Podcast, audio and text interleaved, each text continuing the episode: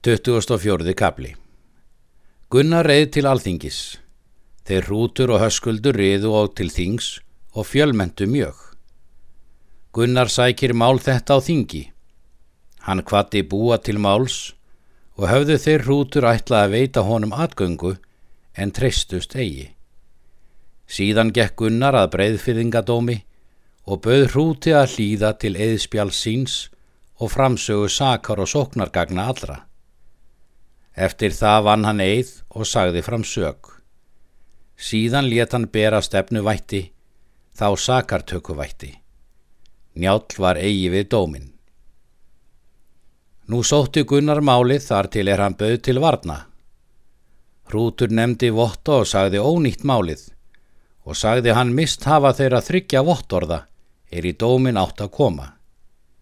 Eitt það er nefnt var fyrir ekkjustokki, annað fyrir karldýrum, þriðjað lögbergi. Njál var þá komin til dómsins og hvaðs borgið muni geta málinu og sökinni ef þeir vildu það þreita. Egi vil ég það, sagði Gunnar. Ég skal gera hrútist líkan sem hann gerði merði í frænda mínum, eða hvort eru þeir bræður svo nær, hrútur og höskuldur, að þeir megi heyra mál mitt.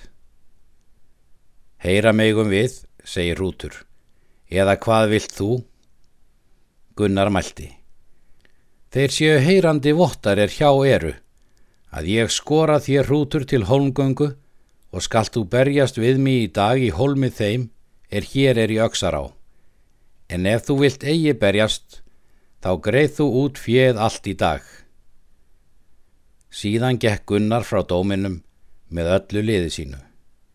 Þeir höskuldur og hrútur gengu og heim og var máli kvorki sóttni varið þaðan af. Hrútur mælt er hann komin í búðina. Það hefur mig aldrei hent að sá nokkur maður hafi mér einvíi bóðið að ég hafi undan gengið.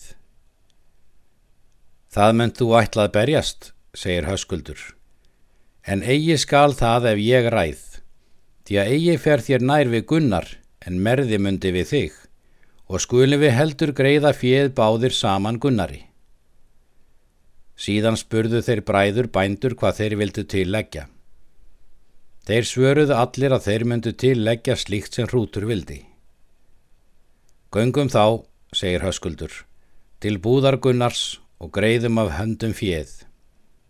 Þeir gengu til búðar Gunnars og kölluðu hann út. Hann gekk út í búðardyrnar og menn með honum. Höskuldur mælti. Nú er að taka við fjönu. Gunnar mælti. Greiðið nú þá. Ég er búin við að taka. Þeir greitu fjöð allt vel af hendi. Þá mælti höskuldur. Njóð þú nú sem þú hefur aflað. Vel muni ver njóta því að sönn er fjárheimtan, segir Gunnar. Ítla mun þér launað vera, segir Rútur. Fer það sem á, segir Gunnar. Þeir höskuldur gengu heim til búðar sinnar og var honum mikið í skapu og mælti til hrúts.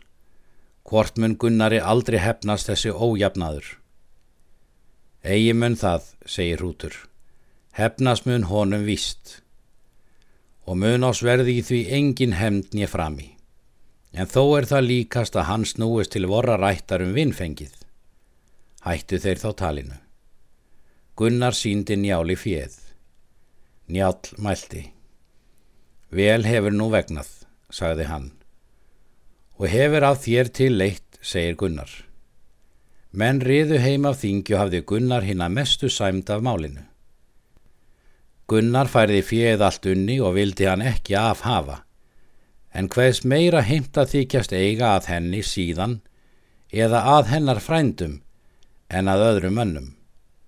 Hún hvað það svo að vera.